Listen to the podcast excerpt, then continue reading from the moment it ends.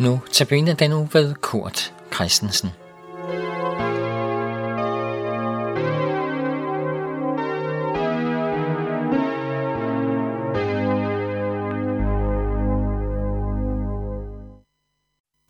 Dagens overskrift her i Notabene-andagten, det er populær eller elsket, og så et spørgsmålstegn bagefter.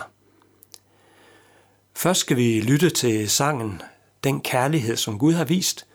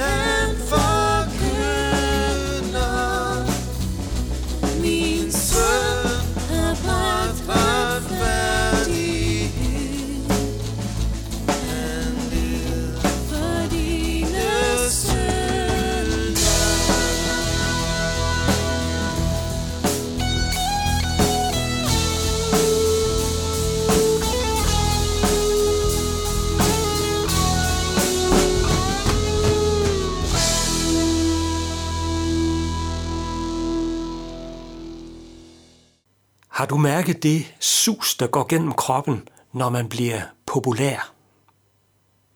Jeg tænker ikke på det at komme i radioen eller sådan på andre måder blive kendt i rigtig mange menneskers øjne.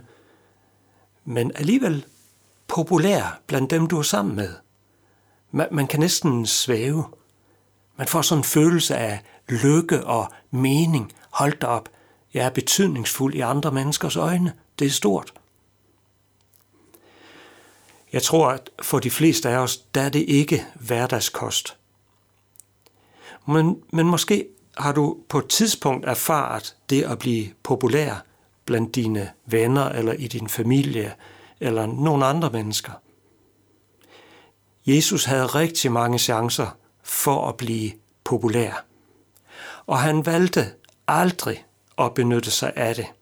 Han gjorde noget helt andet. Han led døden på et kors i stedet for. En dag gik Jesus op på det bjerg, der ligger sådan lige ovenfor Genesrets sø i Israel. Der var en stor folkemængde, en stor skare af mennesker, der fulgte ham, også dermed op på bjerget. Jesus var rigtig populær. De kunne godt lide, at han helbredte mange af de syge. Jesus var nu en stor og betydningsfuld mand. De sad lige nu med sådan et helt aktuelt problem. De var tusinder af mennesker samlet, men de var sultne. Hvad gør man i den situation? Jesus spurgte disciplene, men, men, men de vidste ikke råd. Så er der en lille dreng. Han, han har en, en madpakke med. Han har fem bygbrød og to fisk. Og Jesus får lov til at bruge det. Jesus giver besked til disciplene om, at de skal begynde at dele ud af den der madpakke, fem bygbrød og to fisk. Og, og de deler ud, og de bliver ved, og det viser sig, at der er mad nok, så alle disse mange mennesker, de bliver mætte. Og bagefter så får de besked om at samle de rester ind, der er blevet til overs. 12 kurve fulde samler de. Og folk lægger mærke til det.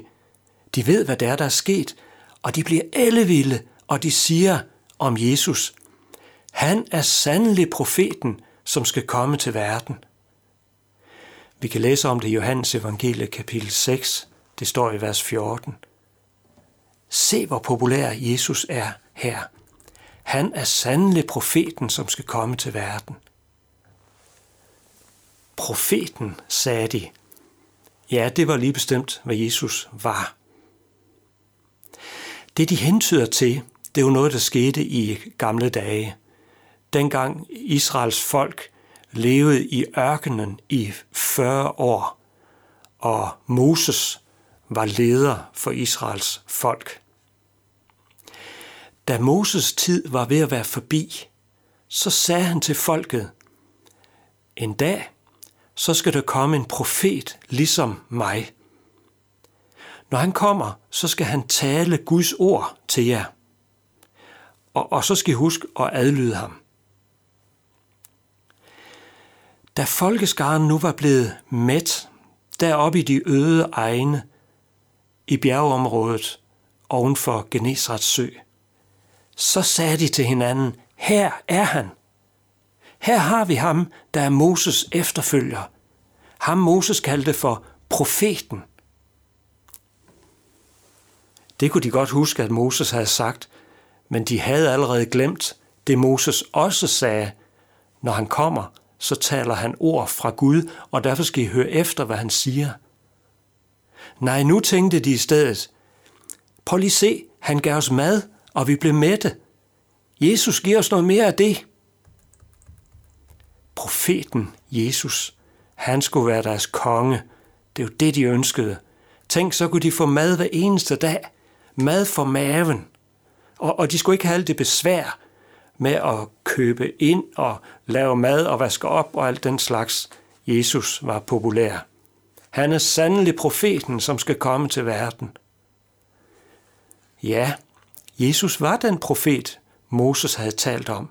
Han talte ord fra Gud, og alle burde høre, hvad Jesus siger. Men Jesus var ikke den profet, folket der ønskede. Sådan en konge, der giver mad for maven, så livet bliver let, og så vi får opfyldt alle vores drømme. Sådan en konge var han ikke. Hvorfor var det, at Jesus ikke ville være populær? Det er fordi, det er løgn. Det er ikke sandt, men det er løgn. Folk ville, han skulle være en anden end den han var. Og det er ikke sandhed, og heller ikke kærlighed. Jesus ville være den han var. Det er sandhed, og det er kærlighed.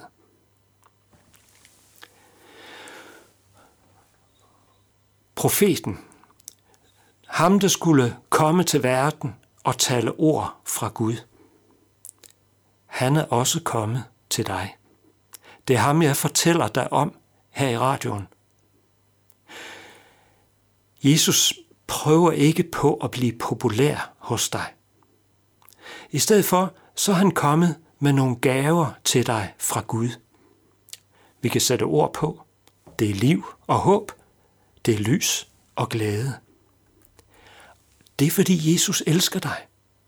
Og Jesus vil elskes af dig. Vi, vi elsker Jesus, når vi tror på ham. Når vi har det sådan, at vi ikke kan undvære ham. Det kan godt være, at vi gerne vil have brød, ligesom folk dengang gerne ville. Det kan godt være, at vi gerne vil leve et liv, der sådan er let. Men Jesus er kommet for at give os det, vi virkelig har brug for. Jesus giver os Gud. Et liv, som døden ikke kan tage fra os. Et håb, der lyser også ind i stuen hos dig. En kærlighed, fordi han har plads til dig. Lad os bede. Herre Jesus, tak for dine gaver. Tak for livet og alt, hvad du hjælper mig med. Jesus, giv mig fællesskab med dig selv. Lad mig være din. Og lad mig høre, når du taler ord fra Gud til mig. Amen.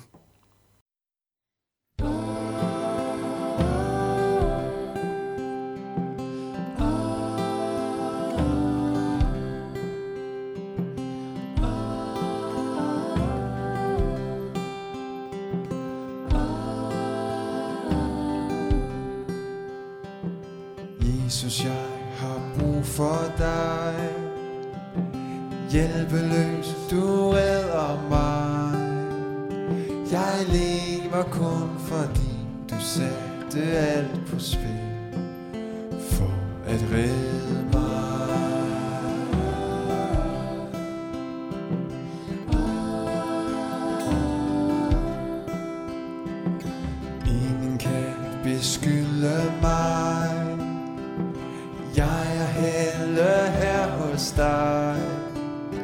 Jeg lever kun fordi du satte alt for spil.